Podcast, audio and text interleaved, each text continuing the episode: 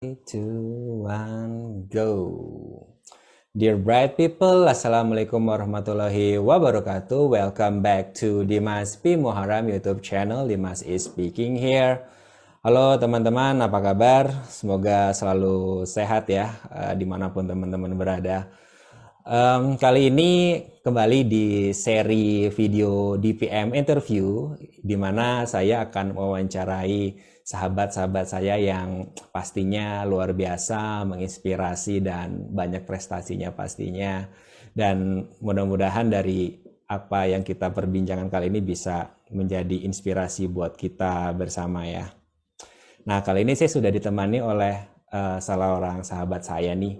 Uh, udah lama kenal ya, teman lama juga gitu ya, tapi kita terpisahkan oleh uh, pandemi. dan uh, seangkatan juga kurang lebih ya kurang lebih seangkatan. Yang jelas dia masih mengalami eptanas juga tuh jadi sama kayak saya. Dan saat ini kesibukannya itu um, mengelola sebuah bimbel namanya itu bimbel lentera uh, inklusif beliau tunanetra juga um, dan apa namanya dan juga salah youtuber juga nih youtuber tunanetra yang cukup ngetop udah. Pokoknya udah uh, subscribernya itu kan udah kak gitu ya. Kalau saya kan ini asal-asalan gitu ya. Jadi terima kasih buat semuanya sudah subscribe dan kita sambut aja. Uh, please welcome Sofyan Sukmana. Assalamualaikum bro. Waalaikumsalam bro. Eh, semuanya nih apa kabar? ya kita di sini dipanggilnya bright people ya. Disapa lu dong para bright people loh apa bright people bright people bright people halo yeah. semuanya bright people oke okay. ya jadi Sofian ini dia adalah pemilik dari akun YouTube ya. Jadi cari aja tuh ya, ketik dunia netra ya. Itu udah kakaan tuh subscriber ya. Jadi silakan aja di subscribe ya di sana. Wah, ya. thank you nih Dim nih udah diundang di channelnya di Master Edu ya. Kita dong yang saya harus terima kasih sudah mau menyempatkan waktu nih ya untuk uh, ngobrol-ngobrol di sini, Bro. Gimana sibuk sibuk ya. apa belakangan ini, Bro? Belakangan ini sibuk ya masih tetap ngajar ya di mm -hmm. bimbel mm -hmm. di masa pandemi ini kan Hmm. Jadi semuanya kembali ke apa ibaratnya online ya gitu kan. Iya. Yeah. Benar ya cari cara teknik lagi gitu gimana caranya gitu sih. Iya, yeah, iya. Yeah. Nah, selain itu ya paling kalau lagi ada waktu kosong ya buat konten YouTube gitulah gitu sambil bisa mengedukasi juga mungkin yang teman-teman mm-hmm. yang jauh di sana ya yang mungkin ya gitu jadi bisa ikut belajar juga gitu di channel Dunia Netra. Betul. Jadi uh, boleh cerita sedikit nggak bu untuk bimbel lentera inklusif ini tuh sudah dari kapan dan uh, kalau yang saya hasil boleh kepoin di internet nih gitu ya jadi Bro Sofian ini seorang tunanetra tetapi tidak hanya mengajar untuk yang tunanetra tapi juga ada kelas juga ya buat yang non tunanetra atau yang non, non disabilitas ya boleh cerita nggak bu untuk bimbel lentera inklusif ini sendiri? Iya sebelumnya terima kasih Nah, jadi uh, saya mulai apa ibaratnya berdirinya Bimbel Antara Inklusif ini itu di tahun 2018 ya di bulan hmm, Februari. Sekitar hampir empat nah, tahun ya? Iya betul. Nah, hmm. jadi uh, sebelumnya waktu itu saya sempat bekerja juga gitu ya, sempat bekerja hmm. di PT Pelni dan sempat bekerja juga di CMB Niaga. Yeah. Nah, karena uh, apa ya ibaratnya background saya kan pendidikan gitu untuk S1-nya ya gitu hmm. dan uh, saya dulu tuh sebelum apa setelah saya awal mengalami ketunanetraan gitu kan ya. Nah jadi saya tuh punya impian gitu seandainya ya uh, saya bisa memiliki ilmu komputer gitu kan ya dan uh, saya juga bisa Epa ingin berbagi juga gitu ke teman-teman yang lain juga gitu kan ya. Hmm, hmm. Dan akhirnya ya saya bukalah bimbel antara inklusif itu di tahun 2018 itu. Nah, kalau untuk hmm. programnya di sini itu awalnya itu adalah untuk khusus teman-teman tunanetra ya untuk program komputer bicara, lalu orientasi mobilitas, lalu belajar huruf braille. Nah, uh, kan ibaratnya gini ya, kita kan bimbel baru gitu kan ya ibaratnya gitu kan. Yeah. Nah, dan masih sepi juga nih untuk teman-teman tunanetranya khususnya di daerah Cengkareng sini kan Jakarta yeah. Barat. Jadi lokasi Jadi, daerah Cengkareng Jakarta Barat ya? Ya, betul, daerah hmm. Cengkareng Jakarta Barat. Hmm. Nah, setelah itu uh, ada tetangga nih awalnya satu gitu kan ngelesin juga enggak gitu untuk yang umum gitu kan ya Mm-mm. nah di situlah mulai saya terpikir di situ. Oh kenapa saya nggak buka juga ya untuk yang kategorinya umum gitu kan ya. Yes. nanti saya mungkin bisa merekrut SDM gitu kan ya un- untuk yang mengajar yang umumnya. Nah di situlah gitu. Jadi uh, mulai bersinergi sama teman-teman SDM umum gitu. Jadi saya merekrut beberapa, beberapa SDM seperti itu. Jadi menarik sih Bu bahwa lu di sini coba memulai dulu ya bahwa kan kadang kan banyak nih orang itu kadang-kadang banyak yang persoalannya adalah sangat sulit untuk memulai sesuatu ya. Inginnya sesuatu Ya. yang besar, sesuatu yang wah, tapi memulai dari uh, single stepnya langkah pertamanya itu kadang-kadang sulit. Tapi lu di sini berani untuk memulai dulu, memulai bimbel ini dengan oke pertama siswa tunanetra dulu deh gitu ya. Tapi akhirnya berkembang dan sempat punya sampai berapa? 60 siswa ya kalau nggak salah ya? Ya, waktu itu sebelum pandemi sempat uh, li- 50 lebih ya, hampir 60. Hampir siswa. 60 siswa ya. Iya, waktu itu tuh waktu itu uh, sampai sempat kita tuh off dulu gitu, nggak nerima murid gitu di. Bimbel Oh, karena ini overload. Iya, kan overload gitu Wow. karena dari tempatnya juga gitu kan, Hmm. waktunya juga gitu. Bahkan Mm-mm. uh, uh, mereka ada yang request bisa nggak malam gitu kan. Wow. Karena ya kita nggak ada waktu istirahatnya juga gitu. Mm, mm, mm, mm. Berarti ini ya, eh, dan itu juga ini ya, apa em, dari SD, SMP sampai SMA, sampai SMA kalau nggak salah ya, Uh, siswanya. untuk saat ini masih di Calistung dari TK, TK, SD, TK. SMP. Mm, Oh, sampai SMP ya, sorry. TK, SD. SMP, sampai SMP. Sampai SMP. Em, berarti berawal dari itu gitu lalu berkembang dan akhirnya ini ini teman-teman bahwa bisa memberikan manfaat ya bagi banyak orang ya gitu. Perasaan lu gimana bro? Dengan ada ketakutan nggak di awal itu? Misalnya karena kan kita yakin bahwa banyak di luar sana teman-teman bukan hanya yang disabilitas sih ya tetapi buat yang non disabilitas juga mungkin punya skill. Dia bisa menyumbangkan skillnya buat orang lain gitu ya. Bahkan mungkin eh, bisa menghasilkan eh, penghasilan juga dari situ gitu tapi takut buat memulai atau takut gagal waktu lu pertama memulai itu gimana ada rasa-rasa takut itu enggak atau motivasinya tuh apa sih sebetulnya yang bisa mendorong lu itu Ya sebenarnya sih kalau awalnya pasti ada rasa ragu gitu kan ya. Nah Hmm, tapi hmm. ya gue ngeyakinin diri gue sendiri gitu kan. Apalagi gue sebelumnya kan ibaratnya udah masuk dari zona nyamannya, udah punya gaji bulanan gitu kan. yes Dan Mm-mm. sekarang ya benar-benar ya ibaratnya gue nyari sendiri gitu di sini gitu kan ya. Mm-mm, mm-mm. Ya ya gue pikir gini ya, insya Allah dengan niat baik gitu ya, ke depannya ya akan baiklah gitu. Jadi ya apa on proses ya gitu kan namanya kita uh, ibaratnya uh, ibaratnya bayi baru lahir gitu kan pasti kan ada merangkang dulu gitu kan ya belajar jalan dulu. Nah gue nikmati proses itu sih. Hmm, Gitu. hmm, hmm, hmm, hmm. Tapi di awal tadi ada rasa takut gagal atau takut ah nanti kalau ada penolakan atau merasa nggak yakin nih karena ini kan yang punya tunanetra nih gitu. Ada perasaan itu nggak?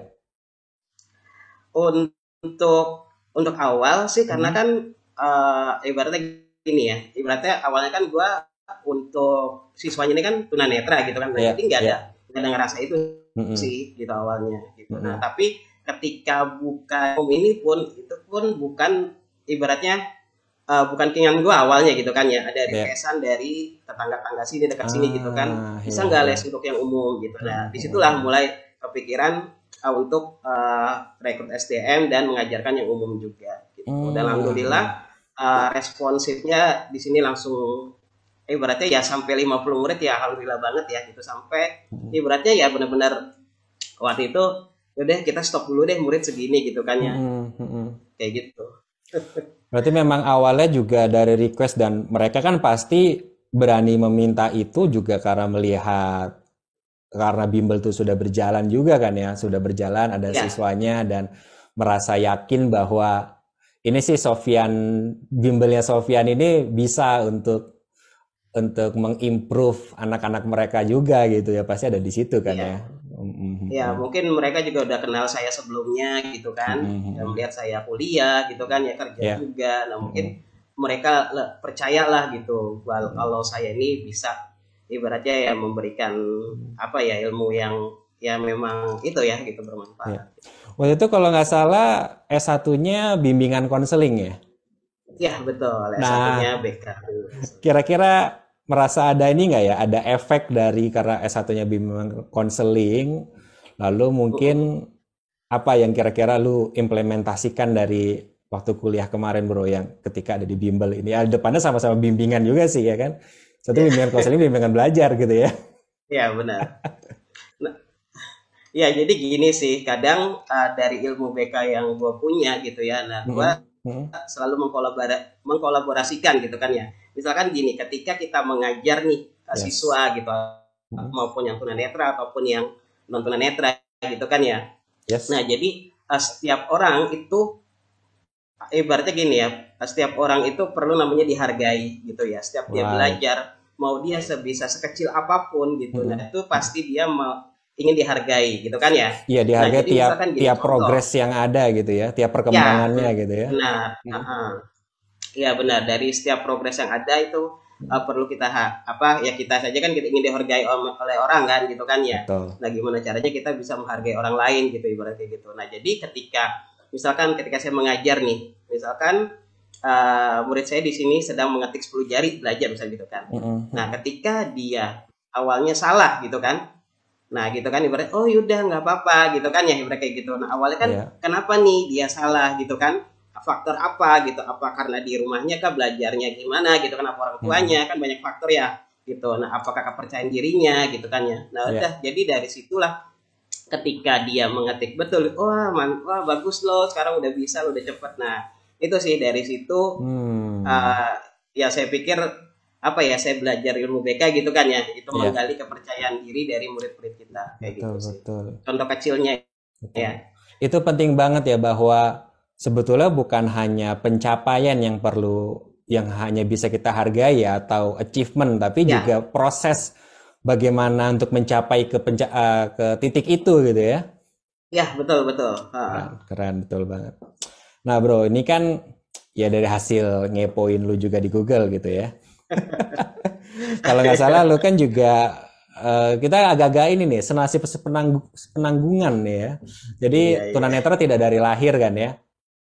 Ya, tunanetra tidak dari lahir, kehilangan kehilangan penglihatan tuh kira-kira dari mungkin akhir SD atau SMP ya kalau nggak salah gitu ya.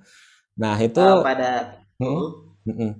Jadi ya untuk kelihatan penglihatan sih saya sejak umur 15 tahun pas kelas 3 SMP. 15 tahun kelas 3 SMP ya. Dan ya. yang awalnya itu tidak penglihatannya normal gitu ya pas lahir pas ya, SD betul. itu ya normal ya. Nah hmm. Bisa ini nggak boleh diceritain eh, bagaimana lu bisa menerima perubahan itu? Karena kan ya sebelumnya mungkin lu seperti anak umum yang lain main sama yang lain ya kan? Dengan penglihatan tiba-tiba ya meskipun agak menurun ya menurun menurun yeah. menurun uh, gradually gitu kan? Nah itu bagaimana lu bisa menerima perubahan itu bu dan mungkin bisa cerita juga sih mungkin awalnya tuh gimana sih tunanetranya karena apa juga iya jadi uh, apa ya di kalau uh, waktu itu kurang lebih di tahun 2003 ya atau 2004 gitu mm -hmm. saya mengalami ketunanetraan yeah. ya awalnya sih memang rasa apa ya uh, ya itu down gitu kan itu manusiawi menurut saya gitu ya gitu kan hmm. awal-awal gitu kan apalagi kita dari yang kategorinya melihat terus ke tidak melihat gitu yeah. nah terus uh, apa ya? Kenapa yang bikin uh, eh, gue bangkit itu? Yang pertama di sini uh, gue anak pertama gitu kan. Gue harus sebagai berapa bersaudara bro gue tiga bersaudara. Adik berarti dua ya? Adik dua ya okay. betul ya jadi ya awal dari situ kan gitu mm-hmm. uh, gim, apa gimana caranya gue bisa bangkit gitu kan ya kalau jadi lo merasa terus. punya tanggung jawab juga gitu ya, ya benar mm-hmm. benar gitu mm-hmm. nah kalau gue stuck di sini gitu kan ya ibaratnya uh, gimana adik-adik gue gitu kan ya apalagi waktu itu uh-huh. uh, kondisi perekonomian juga nggak uh, stabil kan gitu ya. kebetulan yeah. kan waktu itu uh, bokap gitu ya bokap sih sebelumnya di tahun 98 tuh uh, jadi manajer satu restoran gitu kan ya Iya, iya. nah itu karena Krismon kan Krismon ya Krismon 98 ya. Nah, Krismon 98 itu akhirnya kita pulang kampung lah ke Cirebon Hmm, hmm, Nah, hmm, jadi eh apa ya berarti ya kenapa mengalami ketunanetraan ini Eh, karena ada tumor di saraf mata saya. Oke. Gitu. Hmm, Ya, awalnya ada tumor. Nah, itu pada saat itu sebenarnya di umur 7 tahun sudah itu ya eh, sudah sempat operasi gitu kan. Nah, Mhm. itu untuk pengangkatan tumornya. Nah, lalu ah, udah tuh selama itu nggak ada untuk ibaratnya berobat lagi kan paling anak check up aja Iya. terus ya berobat alternatif gitu yang mungkin banyak uh, di itu ya gitu ya teman-teman juga yang lain gitu mungkin Dimas juga gitu kan yang berobat Ya, alternatif. kita Nah, udah paham lah ya. Dari iya, mulai nah, terus akhirnya di segala itulah macam. gitu Pak Mm-mm, pas di tahun 2015 itulah gitu. Uh, mulai pas mau waktu itu apa ya pas mau semester atau mau uan gitu ya nah jadi ada pra uan apa kalau saya lihat sebelumnya ya nah itu Iya. pas lihat tulisan tuh soal udah nggak kelihatan gitu jadi Ah, kelihatan hanya beberapa huruf aja gitu karena kan kondisinya low vision ya nggak iya. yang totally blind gitu Iya. nah awalnya itu lagi main PS gitu Wah, itunya main Nah, PS ya. gitu. Awalnya tuh dulu kan suka main PS, main PS bola ya kan. Iya, iya. PES ya, Nah, main main PES PS ya. Iya, PS bola masih PS1. Nah, Nah, awalnya tuh bendera tuh yang skor sebelah kiri nggak kelihatan gitu kan. Nah, tapi kalau waduh. ke kiri Iya, kalau kiri, tapi kalau berdiri kelihatan gitu kan. Hmm. Nah, awalnya di situ tuh, tapi bola masih kelihatan gitu Iya, kan. Nah, iya. Terus main sama sepupu kan gitu. Lo kenapa gitu kan ya? Kok main PS berdiri gitu kan? Ah, Nah, tuh kok gue nggak kelihatan ya mata gua gitu, Oh. skor gua gitu kan. kirain alasannya Nah, terus terlalu excited gitu. Enggak ya?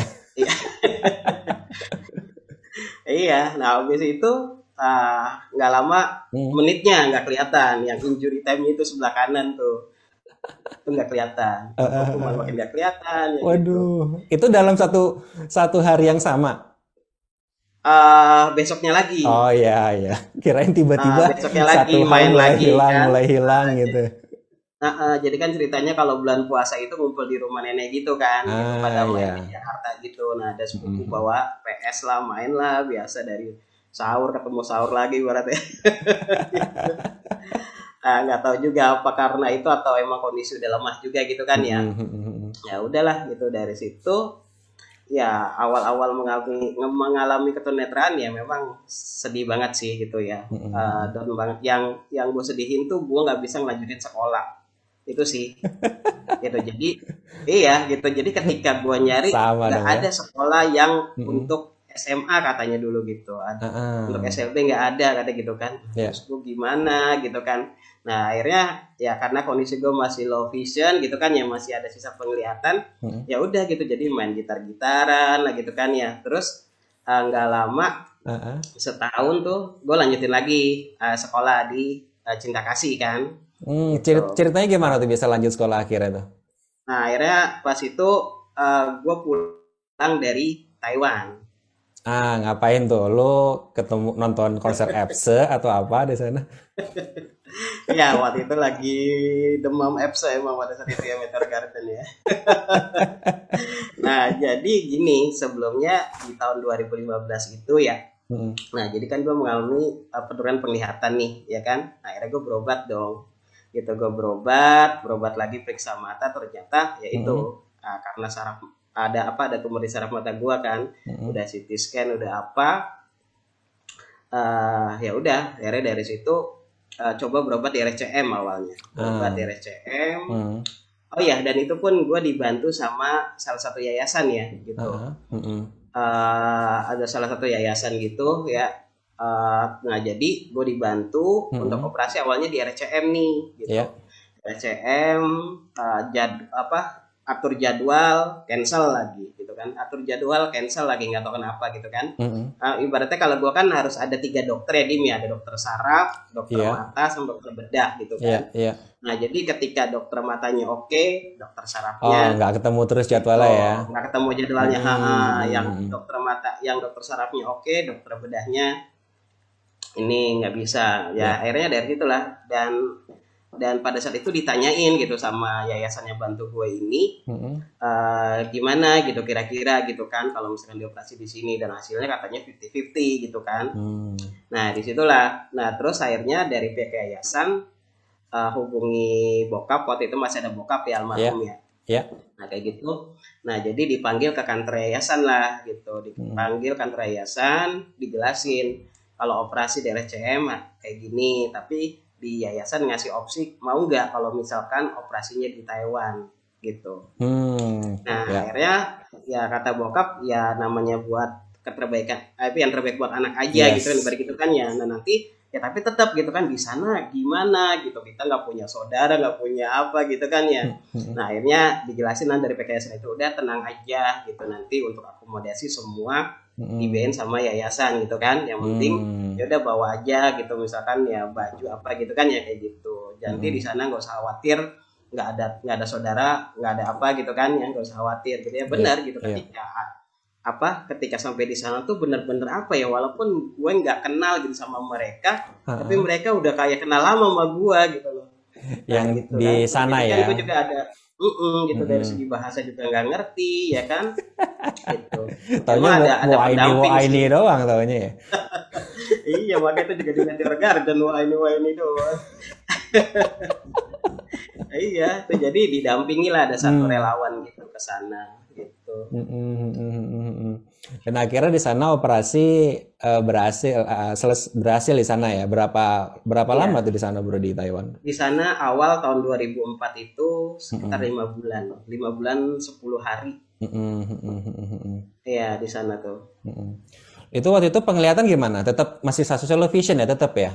Masih satu television. Jadi Waktu hanya hanya mau... mengangkat tumornya itu ya berarti ya. Hmm, betul, iya oh, gitu. Hmm. Jadi hanya untuk mengangkat tumornya aja. Nah awalnya ingin transplantasi kornea, hmm. gitu ya. Nah tapi karena kondisi saraf matanya udah lemah, ya, ya udah gitu. Akhirnya nggak bisa kan, gitu ya, malah. Ya, ya. Kata dokternya hanya beberapa persen aja itu pun hmm. ya untuk gagalnya lebih besar gitu dibandingkan itunya ya, kan. Nah ya, lebih masih ya. mending kondisi penglihatan gua yang sekarang katanya. Iya. Jadi pilihannya antara uh, mau lebih mementingkan yang penting sehat gitu ya. Maksudnya penyakitnya itu ya. diangkat ya meskipun penglihatan akhirnya ya jadi terdampak gitu ya. Iya betul mm-hmm. itu sih.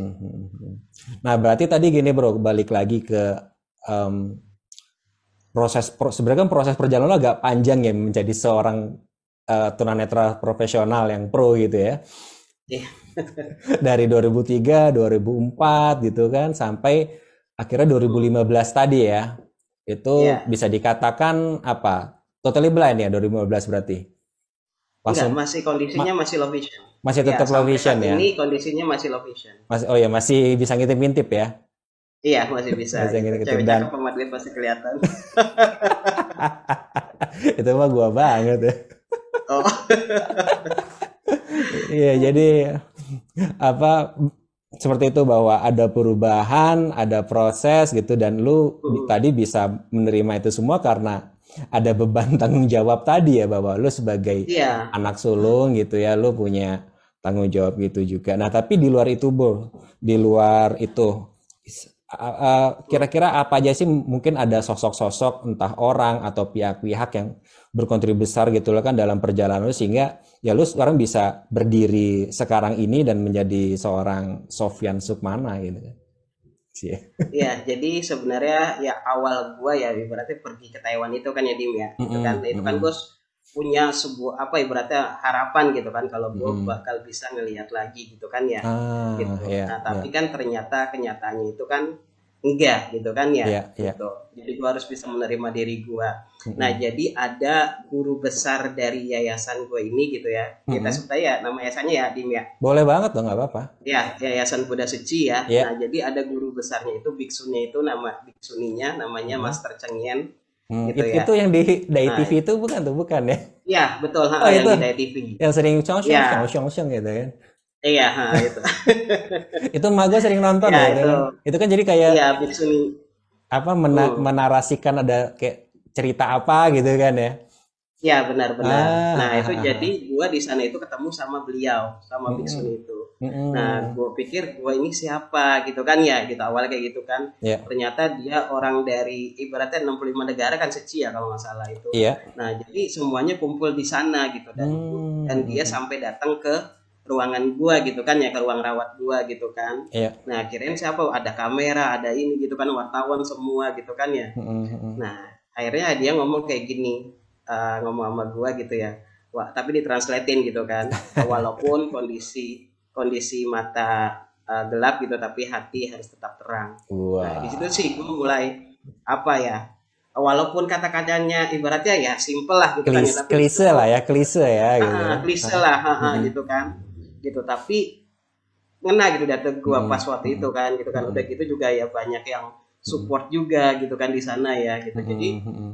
ya dari situlah gitu gue mulai oke gue harus gua harus bisa bangkit gimana caranya gue harus eh, berarti setelah ini gue mau belajar gitu kan ya Nah, iya, kayak gitu iya, iya. Nah, eh, ya udah terus akhirnya pulang dari Taiwan gitu kan mm-mm. akhirnya pulang dari Taiwan nah gue udah tinggal di disuruh ditinggal di rusun cinta kasih ini di rumah susun cinta kasih Di tempat lo sekarang ini ya.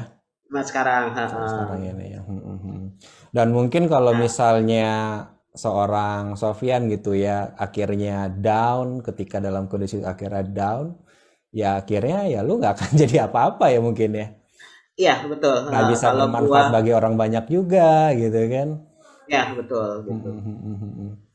Oke bro. Nah tadi lu mengalami perubahan-perubahan itu gitu dan akhirnya lu juga mengalami pengalaman yang unik kan sebetulnya kan ya yang mungkin nggak dialami oleh semua orang gitu bahwa ya lo bertemu dengan banyak orang dengan background yang berbeda gitu ya baik itu background culture atau apa eh, religion kepercayaan gitu kan.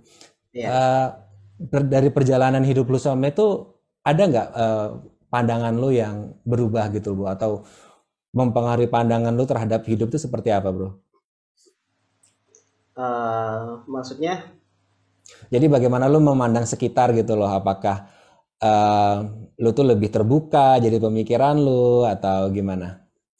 Oh iya dalam segi pemikiran jadi lebih terbuka gitu jadi lebih Mm-mm. bisa sharing gitu kan Hmm. nah apalagi ini gua eh, bergabung ya ibaratnya gitu kan ya sama yayasan Buddha Seci ini gitu kan Hmm, hmm, hmm. nah yang gue tahu yayasan Buddha Seci ini dari donatur donaturnya gitu kan itu kan orang-orang besar ya yang ada di Indonesia gitu Iya, kan iya, nah, kayak ya ibaratnya Agung Sedayu gitu kan Sinarmas ya. nah, semua ada di di Seci gitu kan Hmm, hmm, hmm, Nah hmm. kayak gitu. Jadi dari situlah gue mulai ini kesempatan gue, gue harus bisa bangkit dari sini karena banyak yang dukung gue gitu kan. Hmm, gitu. hmm, hmm, hmm. Ya paling ya itu sih gitu ya satu Ya. yang gue sedih ya gue gue mau lanjutin sekolah lagi ketika itu sulit gitu ya di Ya. zaman itu ya di masa itu masih kurang ya ibaratnya kayak Dimas waktu itu ya gitu kan. Ya, ya, kurang lebih lah ya sama Ah, ah. gitu. Mm-mm. Nah jadi gue ya. tuh stuck 2 tahun gitu. Oh, lu malah dua tahun ya? Veterannya Iya, dua tahun stuck. ya, veteran ya? Iya. Mm-mm. Iya. Stuck 2 tahun. Ha-ha. Nah, tapi selama 2 tahun itu gue kerja di Oh ya, ha, ha. lulus Ah, jadi gua semenjak lulus di- SMP itu ya? ya sejak lulus SMP itu nyari-nyari SMA kan ya karena nggak dapat dapat akhirnya gue kerja di sini di di Hmm. salah satu itu juga unit suci juga gitu kan Hmm, unit suci hmm. juga namanya eh, apa kayak Hastakarya PT Hastakarya gitu ya jadi Iya. gue bagian pemakingan kertas origami gitu Hmm, hmm, hmm, hmm. Nah, dua tahun itu. Nah, selama dua tahun, akhirnya barulah dapat informasi yayasan di Lebak Bulus. Ke Mitra Netra ya? Mitra Netra, betul. ya. Mulai yayasan Mitra Netra. Nah, Hmm. gitu. Dulu tuh gua Ya kita ketemu di sana lah ya. Iya, kita ketemu di sana awal-awal gua ketemu lo tuh di sana gitu. Hmm. Tapi lo udah udah main komputer duluan, gua masih baru mau belajar. Ya, gua kan tunetnya duluan. Oh iya. Eh, gue senior lo gitu kan ya. Oh iya. iya, jadi itu apa ya? Dulu tuh mimpi mimpi gua gitu. Gua bisa Mm-mm. mencoba ya HP Mm-mm. gua bisa ngomong gitu ya. Hmm. Coba HP gua bisa ada apa ada itunya gitu ya. Gitu. Apalagi zaman dulu gua lagi pacaran gitu dimnya ibaratnya gitu kan. Masa pacaran SMS-an ya kan dibacain sama orang tua, sama adik ini apa baca aja sayang bahkan belum kan mau malu ya. It, itu waktu gua um, SMA ya, itu kan gue baru dipegangin HP itu SMA kelas 3 lah ya tahun berapa 2006 yeah. tuh ya. Itu masih hmm. Nokia itu loh 3310. 3310 ha, jadi betul. jadi HP HP yang kita bisa ngetik, kita bisa ngirim, kita bisa telepon, tapi kita nggak bisa baca SMS. Iya. iya betul. Iya, nah iya, iya. kalau itu kan menu-menu ini gue masih kelihatan tuh gede-gede hmm. gitu kan ya, gitu hmm. kan. Hmm. Nah, selain gambarnya tulisannya masih kelihatan waktu itu. Nah, cuman SMS tuh nggak bisa itu. Aduh. Nah iya. setelah deh tuh setelah ke sana ya sering netra, hmm. mulai di situ oh ternyata tunanetra bisa main handphone gitu kan ah, oh, iya, iya. oh terus pas gue belajar mulai belajar di sana mm-hmm. loh kok ada yang pakai baju SMA gitu kan hmm. gitu oh ternyata bisa sekolah gitu ya iya aku tunanetra bisa sekolah gitu kok selama ini gua gue katanya nggak ada gitu kan hmm. katanya gitu gue mau sekolah katanya nggak ada SMA buat tunanetra oh. nah mulailah gue kepo di situ kan iya yeah, iya yeah. gitu gue tanya dari situ kita ada gue tanya oh ya hmm. bisa ngelanjutin lagi gitu dah ternyata yeah. di situ ada juga kan humasnya gitu kan ya ternyata hmm. udah S2 gitu kan yeah. wah berarti tunanetra bisa lanjut dong gitu kan ya Nah mulai di situlah gue mulai termotivasi lagi. Akhirnya gue belajar huruf braille, belajar bahasa Jepang, bahasa Jerman, ah. gitu kan walaupun nggak ada yang nyangkut. ya dikit-dikit yang penting tahu lah gitu ya. Dikit-dikit yang penting tahu, iya. iya dikit-dikit tapi banyak gitu. iya gitu iya. kan. Akhirnya udah braille, Jepang, Jerman. Akhirnya gue coba belajar komputer kan. Nah hmm. di situlah gitu. Gue mulai ini kayaknya passion gue nih gue ngerasa gitu kan ya. Eh awalnya dari mesin ketik dulu deh dulu Iya ya masih mesin ketik dulu nah, belajar ya. Ketik dulu, hmm. nah baru naik kan kalau udah ujian mesin ketik udah itu lulus baru boleh ke komputer. Iya jadi kan, dulu, ya. jadi jadi teman-teman mungkin uniknya di sini ya. Jadi kita dulu itu sebelum belajar komputer kita itu hmm. di SR Mitra Netra itu kita belajar ngetik dulu ya, ngetik 10 jari itu pakai yeah. mesin tik yang mungkin milenial udah banyak yang anak-anak sekarang ada banyak yang tahu ya mesin tik yang benar-benar manual jegrek-jegrek itu kan ya. Iya benar. Dan benar. kita dan itu kan manual, tidak ada softwarenya apa pun. Kalau komputer kita kan bisa tahu apa yang kita ketik kan. Jadi kita tuh ya, ujiannya ya. harus membuat surat dengan format tertentu ya kan. Format surat kayak ya. apa iya. dulu tuh kayak semi apa full block style lah atau apa gitu ya. Jadi harus bisa membuat kayak misalnya penanggalan kayak Jakarta tanggal berapa itu di sebelah kanan, hormat kami iya, di sebelah mana dan itu harus harus bener gitu ya harus pakai tabulasi iya. gitu kan jadi bayangin kita mengetik sesuatu yang kita nggak bisa lihat dan kita harus benar-benar menghafal jarak-jaraknya iya, itu ya ah, benar tabulasi gandaran lah apa. Seru ya tapi dari situ kayaknya efeknya adalah kita ngetik jadi lebih cepat ya. Lebih cepat kalau ya, di betul. komputer kalau ya kata, jadi bisa kencang banget hmm, kan. Hmm. iya hmm. betul. Kalau kata teman yang yang nggak sempat belajar mesin ketik sih katanya beda gitu cara beda ya beda beda. Karena mereka setelah zaman itu belajar komputer langsung belajar di keyboard di komputer ya. Iya benar. beda suaranya. Oke bro jadi kan nah. tadi bahwa lu merasa bahwa dapat banyak kepercayaan gitu kan banyak dukungan dan ya. akhirnya lu meng e, bertanggung jawab pada dukungan itu dengan lu akhirnya bisa menjadi seperti sekarang ini ya gitu dan ya. lu bisa dikatakan bisa berkontribusi banyak orang dan dan tadi gue ingat banget cerita lu bahwa bahkan lu lu sendiri pada saat itu tidak tahu bahwa kayak ada sekolah buat SMA yang bisa menerima tunanetra gitu ya buat tunanetra bisa pakai komputer lain-lain gitu ya mungkin iya, betul. itu mungkin nggak bisa jadi salah satu faktor akhirnya lu uh, membuat channel juga gitu dan sharing tentang dunia tunanetra itu. Bagaimana? Tadi putus-putus maaf. Putus-putus ya sorry. Jadi kan yeah. um, kayak tadi soal informasi tadi ya informasi tentang uh, ketunanetraan gitu kan, yang lu bahkan waktu itu tidak tahu bahwa ada SMA buat anak-anak tunanetra gitu kan bisa sekolah di sekolah umum gitu itu mungkin nggak bisa jadi salah satu faktor yang membuat lo tuh akhirnya sharing tentang dunia tunanetra di YouTube gitu? Iya, jadi uh, awalnya kenapa sih gitu ya? Uh, gua apa? Jadi ibaratnya awalnya sih channelnya bukan dunia netra namanya ya. Awalnya uh. namanya itu Sofian Sukmana Official gitu. Wih. Nah, ya, karena kayak mungkin namanya ya, artis ya. kayak official nah, Karena ya. namanya kurang kurang menjual, nah jadi udah ganti. gitu nah jadi sebenarnya gini sih gitu ya kalau hmm. apa cerita gua kenapa gua jadi akhirnya jadi konten creator di YouTube gitu. Mm -hmm. Awalnya sebenarnya gue cuman upload materi-materi gue mengajar gitu. Iya. Gitu ya. Jadi ketik jadi kan gue ngajar nih di bimbel antara ini kan ya mm -hmm. nah jadi kadang kan namanya kita ilmu kalau lama nggak dipakai kadang suka lupa gitu yeah, kan. betul banget. Nah satu itu gitu. Jadi ketika gue mungkin nanti lupa materi-materi yang udah lama nah jadi gue bisa nonton lagi nih bisa denger lagi sendiri gitu kan. Nah tapi alhamdulillah gitu responsif dari temen-temen mm -hmm. itu malah banyak gitu. Yang komen bikin lagi dong kak. Bikin lagi dong mas tutorial ini gitu kan. Mm -hmm. dan terus banyak juga gitu yang WhatsApp ke gue gitu kan. Kak cara ini gimana? Nah mulai di situlah gue japri japri itu ya? kepikiran kan. Uh, uh, gitu gue kepikiran gitu. Kan ketika gue lagi ngajar gue nggak bisa balas dong gitu kan. Nggak bisa balas cepet. Yeah. nah dan yang gue belajar gitu ya kalau misalkan orang udah nanya misalkan orang udah buka laptop ya misalkan nanya ke gue tiba-tiba gue balasnya lama gitu kan. Nah, otomatis dia naruh lagi dong laptopnya dan nggak jadi belajar kan.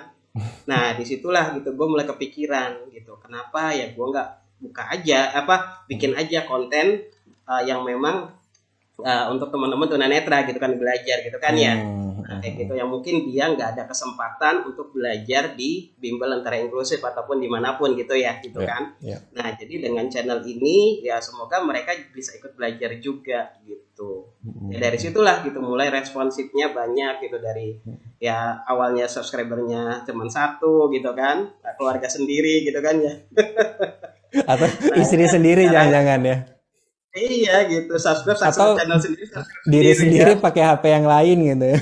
Nah iya gitu, bikin akun gitu biar kelihatan banyak subscribernya. iya, ya, ya, gitu. ya semua kan berawal dari angka satu bro ya kan.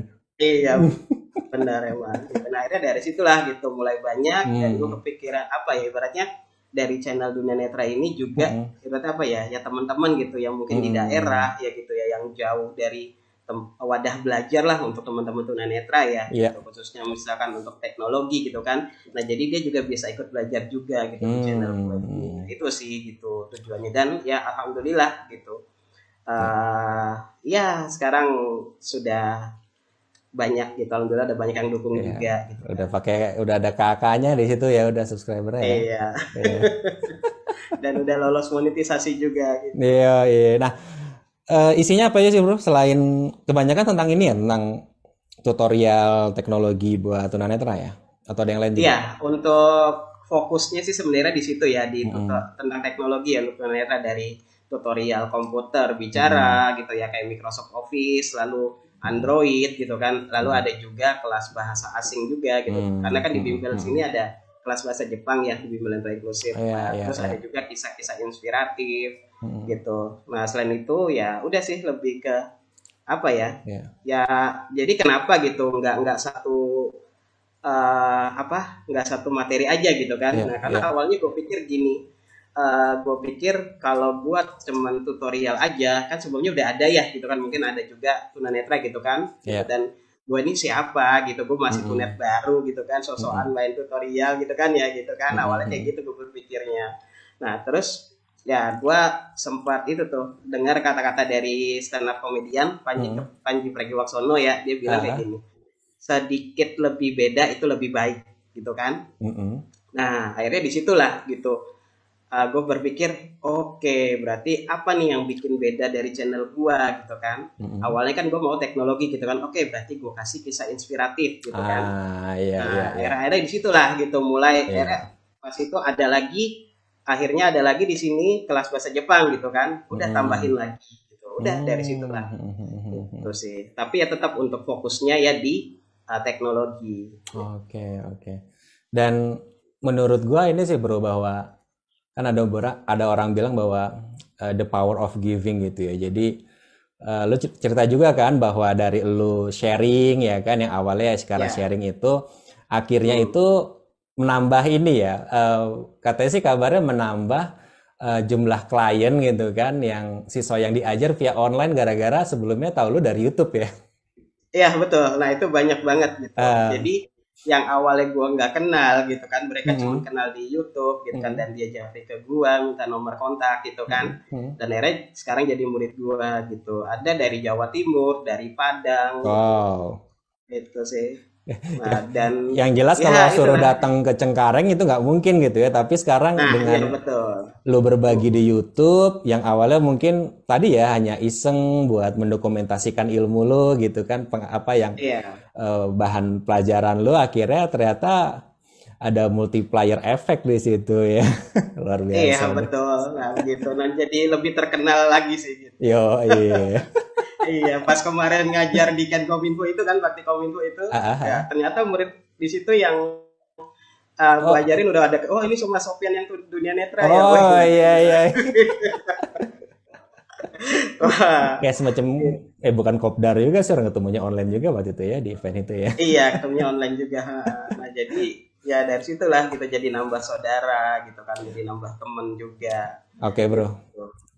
Sip, keren banget dan uh, teman-teman silakan aja ya kalau itu di subscribe YouTube Dunia Netra karena uh, kayak penonton gue juga banyak nih gitu yang apa dicek ternyata uh, mayoritasnya tuh nonton tapi nggak subscribe gitu. Waduh, ini kan jadinya sedih juga gitu. Jadi teman-teman silakan di subscribe uh, dunia netra dan juga subscribe di sini juga ya pastinya di Mas P Muharram. Iya, subscribe juga channel di Master Edu nih. Di Mas P Muharram bro, balik lagi jadi di Mas P Muharram. Oh di Mas P Muharram lagi? Ya iya. Oh, gitu. itu aja. Iya, biar singkat biar di biar di semua nih yang lagi nonton nih. Ah oke, okay. sip thank you. Oke okay, Bro Sofian, Terima kasih banyak udah ngobrol banyak nih di channel saya dan sangat menginspirasi sekali dan mudah-mudahan banyak hal ya yang bisa diambil oleh para viewers nih, para bread people semua uh, pelajaran dari Bro Sofian ya. Iya, sama-sama di Masa juga terima kasih banget nih udah diundang di channel ini nih. Wah, siap, luar biasa. Siap, siap. Oke, makasih sukses selalu ya buat kegiatannya. Iya, terima kasih sama-sama. Salam buat keluarga, sehat-sehat semuanya. Iya, assalamualaikum Waalaikumsalam. Oke, okay, thank you. Ya, Bright People itu tadi perbincangan saya dengan Sofian. Uh, mudah-mudahan bisa bermanfaat. Sampai ketemu lagi di um, video selanjutnya di DPM Interview. Jangan lupa untuk di subscribe, like, dan juga di share video ini agar semakin banyak teman-teman um, kita yang terinspirasi pastinya. Saya Dimas P. Muharam, terima kasih. Sampai jumpa lagi and see ya.